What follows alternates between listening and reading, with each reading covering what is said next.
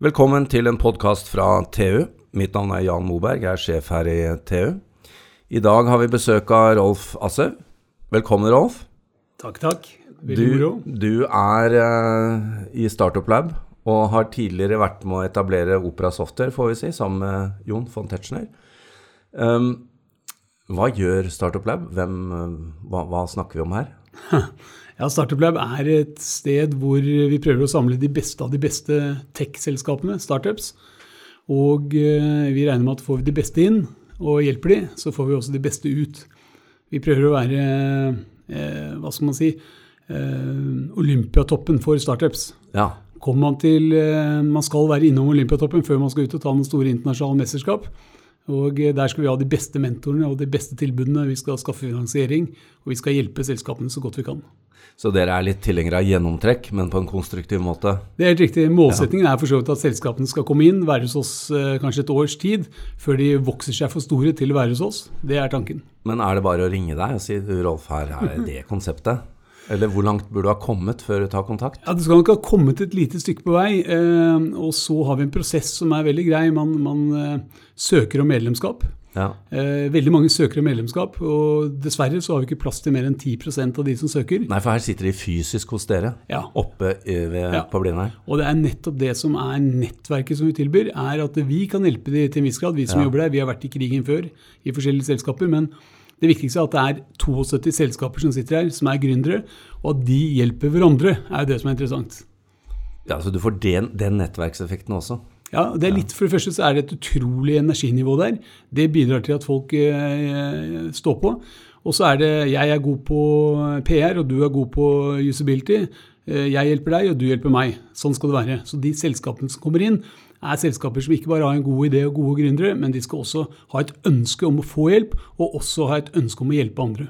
Før vi går løs på dagens hovedtema, hva er, hva er et par eksempler på, på hva dere har vært med på som virkelig har gått bra? Ja, Det er fortsatt tidlig. Eh, Vi har holdt på i fire år. Ja. Og veldig mange tror jo at du bygger et selskap og en suksess i løpet av tolv måneder. Sånn er det ikke. Vi ser at noen av selskapene som vi startet med for fire år siden, de har nå kommet et stykke på vei. Noen som startet for ett år siden har kommet ganske langt også. Men vi har jo et selskap som Hudley. Eh, var et selskap som vi plukket opp i, i USA, som holdt på å kaste inn håndkle i USA. Vi flyttet det hjem til Norge, investerte penger i det, fikk inn nye mennesker. Og de har nå etablert seg igjen i USA. Administrerende har flyttet dit. Og eh, på papiret så har det en høy verdi, men det vet vi alle om, alle at det er kun på papiret foreløpig. Det er en lang vei igjen før de er den suksessen som vi er oppe på. Skal være klar for en hel løype. Ja, absolutt. Ja. Og det er noe med det jeg hørte at eh, en overnight success usually takes six years. Ja, jeg tror det. Altså, Ja. i opera så brukte vi ti år eh, før vi begynte å ha overskudd. ikke sant? Men dette er spennende, for dagens tema er råd på veien for de som ønsker å bli gründere, eller de som eh, har kommet i gang og som skal videre. Du har vært med på mye, både selv og via de selskapene som sitter oppe på Startup Lab, og jeg vet du, du har gitt oss egentlig ti råd, veldig konkret. Um, la oss begynne med det første. Uh, ha en mening med det du gjør. Det mener du er viktig. Ja, absolutt. Eh, En del blir gründere for å bli gründere, uten at de helt vet hva de skal gjøre. Eh, Det er ganske vanskelig. De gründerne som lykkes, er ofte de gründerne som har et ønske om å forandre verden på et lite område. Og de gjør det ikke for å bli rike. De gründerne som gjør det for å bli rike, de kommer til å selge ut ved første korsvei. Mens de som har lyst til å forandre verden, de er med i både motgang og medgang og holder ut i lang, lang tid. Så hvis du virkelig har en mening med det du gjør, og du greier å tiltrekke deg folk som deler de verdiene og de visjonene, så kan du komme langt. Nå er det like sta som Steve Jobs. Ja, jeg tror du skal være like sta og spesielt som Steve Jobs. Og, og jeg kjenner jo ganske mange gründere, og jeg syns at veldig mange av de gründerne som har lykkes, er jo litt sære på sine områder. Eh, Men det er kanskje derfor at de lykkes òg. For er du som alle andre, så greier du ikke å skille deg ut og, og levere noen tjenester som er annerledes. Men dette med mening, det er også at du må, som du har vært inne på, du må også tenke stort. Ja, jeg mener at du skal tenke stort, og, og, eh, og du skal tenke stort og smalt. Du skal bli verdens beste på et lite område, er, er, er det som jeg syns er morsomt. Å tro at du skal eh, konkurrere med Microsoft fra dag én på alle produkter i Microsoft, det er litt vanskelig. Men hvis du går inn og tar én del av det Microsoft leverer, så kan du absolutt bli verdens beste. Og Opera var et eksempel som lagde en liten browser og konkurrerte på akkurat det lille området. Veldig spennende. Råd to fra deg, det er at du ikke skal gjøre dette alene, men finne deg en medgründer. Ja, Å være gründer er veldig ensomt hvis du er alene. Du må ha med deg noen, eh, sånn at man eh, kan støtte hverandre i motgang. Og vi ser at de fleste selskapene som har lykkes, så har det vært to personer som har startet. Det var Microsoft, det var Google osv. Så, videre. så de fleste selskapene er faktisk Ja, det er mer et enn godt én. poeng. Det er sant, det. Apple, ja. Ikke sant?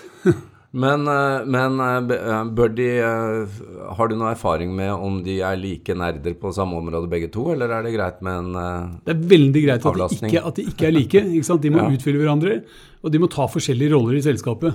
Og der I Opera, som jeg sammenligner ofte med, er jo at de hadde Jon og Geir. Jon ble den som tok det administrative og salg og marked osv. Og, så videre, og så var det Geir som ble koderen, som lagde den beste koden. Veldig bra. Råd tre. Eh, Du skal ansette de riktige menneskene. Ja, eh, man kan si at hvilke selskaper er det som lykkes? Det er de som klarer å gjennomføre, to execute. Eh, og hva vil det si? Jo, det vil si at du klarer å ansette dyktige mennesker som er dyktigere enn deg eh, på mange måter, eh, og på områder hvor ikke du selv er så dyktig. Eh, og så skal de klare å gjennomføre. Og gjennomføring er bare mennesker. Så det eneste som er viktig i en startup, er å tiltrekke seg de beste menneskene. Da snakker vi også kanskje om eierskap. Jeg mener at det er viktig med eierskap. og eh, klart, Jo tidligere du kommer med, og jo større risiko du tar, jo større eierskap får du. Kommer du med en bedrift eh, med, som har kommet et stykke på vei og har store inntekter, så får du mindre eierskap. Sånn er det. Vi kan kanskje ta en egen podkast siden om opsjonsbeskatning. Ja, det eller kan, vi kan, jeg vil godt ta to. ja, to om det. Nei, men det er klart, Her kommer du inn på noe som er ekstremt viktig. Eierskap vil jo motivere. og Ikke bare for pengenes skyld, del, men å være en del av det. Ehm, råd fire fra deg. Fokuser på kunder. Er det ikke greit at jeg sitter bare og lager et produkt som jeg vet kundene vil ha da? Ja, Veldig mange tror det at lager du et bra teknisk produkt, så vil kundene komme. Slik er det ikke. Eh, Det vet vi, at vi må jobbe veldig med kunder. Så noe av det vi, viktigste vi gjør i Startup Lab, er å stimulere til at selskapene går ut og får seg en første betalende kunde. For En første betalende kunde betyr at det er noen som er enig i at det du lager er riktig, de er villige til å betale for det.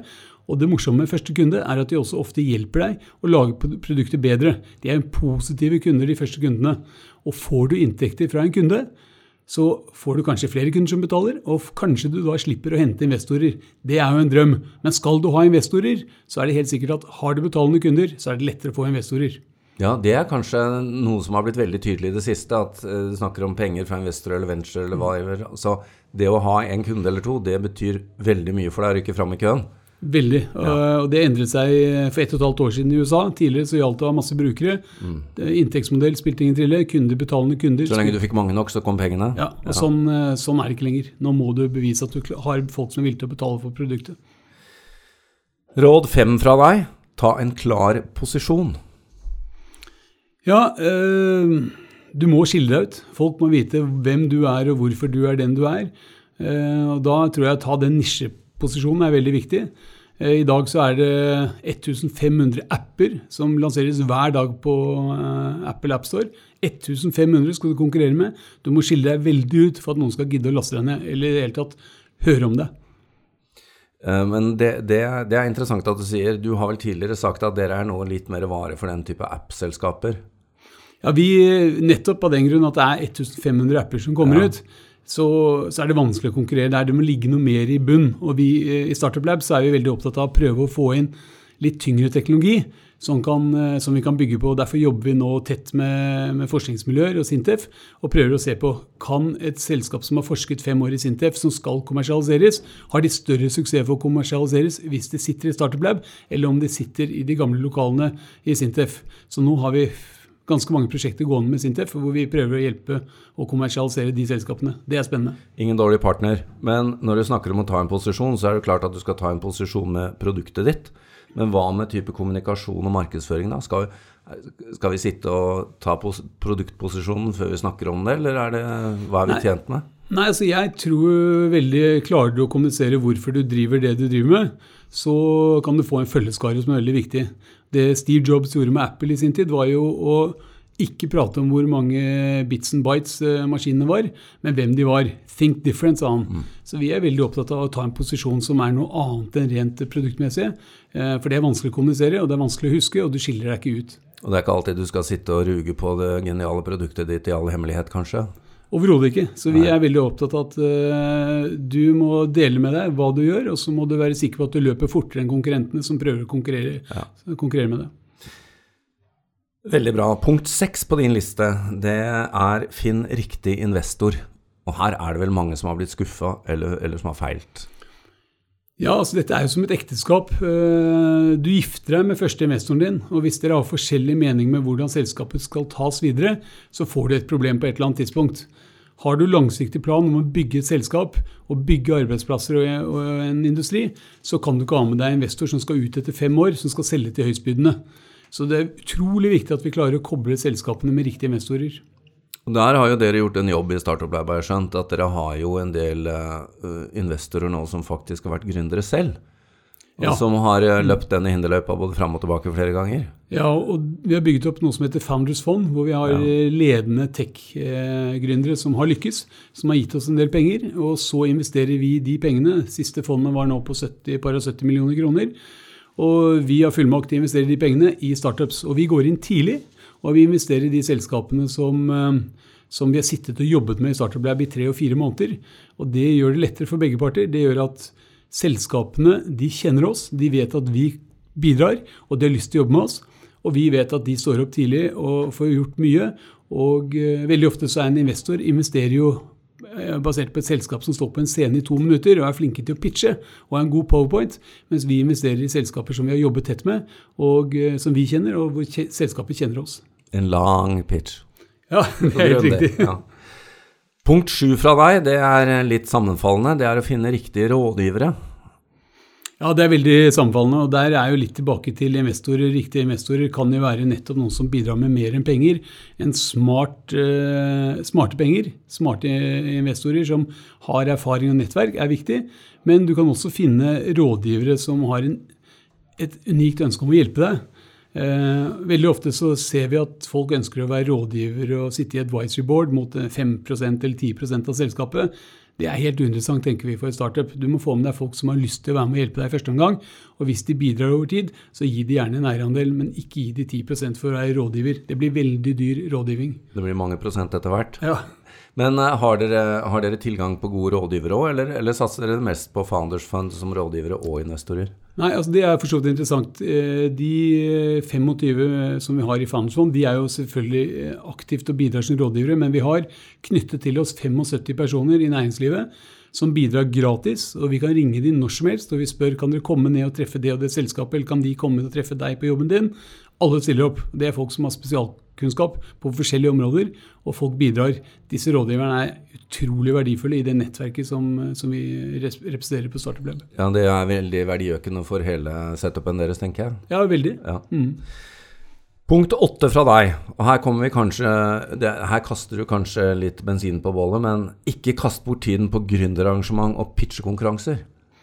Ja, ja, du kan si at uh, det er jo blitt et miljø, et gründermiljø, hvor uh, du skal Nei. sitte i en iskulp i Finland og, og pitche? Det, det Nei, ikke sant. Så, så det, er, det, er, det man, man, bruker veldig mye tid. Vi ser en del selskaper gå igjen og igjen, og de pitcher og pitcher og pitcher. Mens de selskapene som lykkes, er de som ligger litt under radaren, som er fokusert på én ting. Det er, eller to ting. Det er å lage det beste produktet og få kunder som betaler. De selskapene de trenger jo ikke gå opp og pitche. Altså, De er fokusert på de riktige tingene. Mens dessverre så er det mange gründere som syns at det å være gründer er så flott at nå kan vi gå rundt og drikke, drikke, gratis gründerøl eh, på ja, hver fredag, ja. men det tar deg ikke videre. Men, eh, men, det tar ikke bort eh, verdien av å, av å, kunne pitche tanken bak produktet eller selskapet Nei, ditt? Pitching er veldig viktig. altså Pitching ja. er jo kommunikasjon. Det er rett og slett å kunne fortelle hva du, hva du leverer og hvorfor. Kjempeviktig. Men det er nødvendigvis ikke noe du gjør over en øl på en fredagskveld. Men dere har vel, har ikke dere også hatt noen sånne lignende arrangementer oppe hos dere? Er det, er det, for å presentere de selskapene som sitter her? Ja, vi har to arrangementer, bl.a. ett nå øh, på torsdag, hvor vi samler 20 øh, selskaper fra Startup Lab som presenterer seg i to minutter. Grunnen til det er for å vise for de investorene vi har inne, og det nettverket vi har, eh, hvilke selskaper som sitter her. Og så er det å gi en trening eh, for gründerne til å pitche. Men vi gjør det to ganger i året. Veldig bra. Punkt ni fra deg. Suksess krever stor arbeidsinnsats. Ja, Er det virkelig noe du føler at du må si? Nei, eh, jeg må vel kanskje si det. Er ikke det opplagt? Det er veldig opplagt, og det er det for idrettsutøvere som det er for gründere. Dette krever tid. Du må tåle motgang, du må tåle å tape, du må snu deg rundt og, og stå på. Eh, dessverre så ser vi at det er noen gründere som har altfor god tid. Og når vi får amerikanere over hit, så reagerer de på det at sense of urgency er for dårlig hos enkelte selskaper. Akkurat. Og Det prøver vi å gjøre noe med, så vi prøver å pushe de. Vi prøver å være eh, i Startup prøver å være eh, PT, personal trainer. Ja. Vi skal stå der med pisken for å få deg til å yte mer. Det skal vi gjøre på en positiv måte. Og det tror jeg fungerer ganske bra. Man vet at man, man trener mer på et helsestudio hvis det er noen som dytter deg, enn om du trener alene. Så, så du har fått eh, litt sånn der eh, lazy people opp til deg som nå er, bare er full av gass? Nei, vi prøver jo, som sagt, altså, vi, vi må dessverre si nei til mange, så vi prøver å få inn de som allerede i utgangspunktet har mye gass, og så prøver vi å hjelpe de å gå enda fortere og i riktig retning. Dette henger kanskje sammen med det siste poenget fra deg denne omgang. Punkt 10. Tør å være fattig i begynnelsen. Ja, jeg ser at en del selskaper får hentet penger fra investorer tidlig, og det gjør jo noe med tankemåten. Man begynner å bruke penger som man egentlig ikke har. Ehm, Og jeg tror jo mindre penger du har, jo mer fokuserer du. Eh, Problemet med mye penger er at du kan gjøre alt, eh, men da mister du fokus. Så lite penger er positivt en god stund, og lite penger det betyr at du ikke har hentet penger. Det betyr at du eier selskapet selv. Det er ganske deilig. Da kan du, da kan du også gjøre en del eh, endringer og pivot og gjøre andre ting Ja, man står friere. til eh, å endre Ja. ja. Og vi er veldig der i Startup Lab at vi ser jo at, eh, at en del selskaper de kommer med en god idé. Det eneste vi vet med sikkerhet, er at den ideen kommer til å forandre seg i løpet av det neste året flere ganger. Så derfor er menneskene bak ideen det viktigste. Evnen deres til å gjennomføre. Veldig bra, Rolf. Tusen takk skal du ha. Dette er nyttig info for våre lyttere.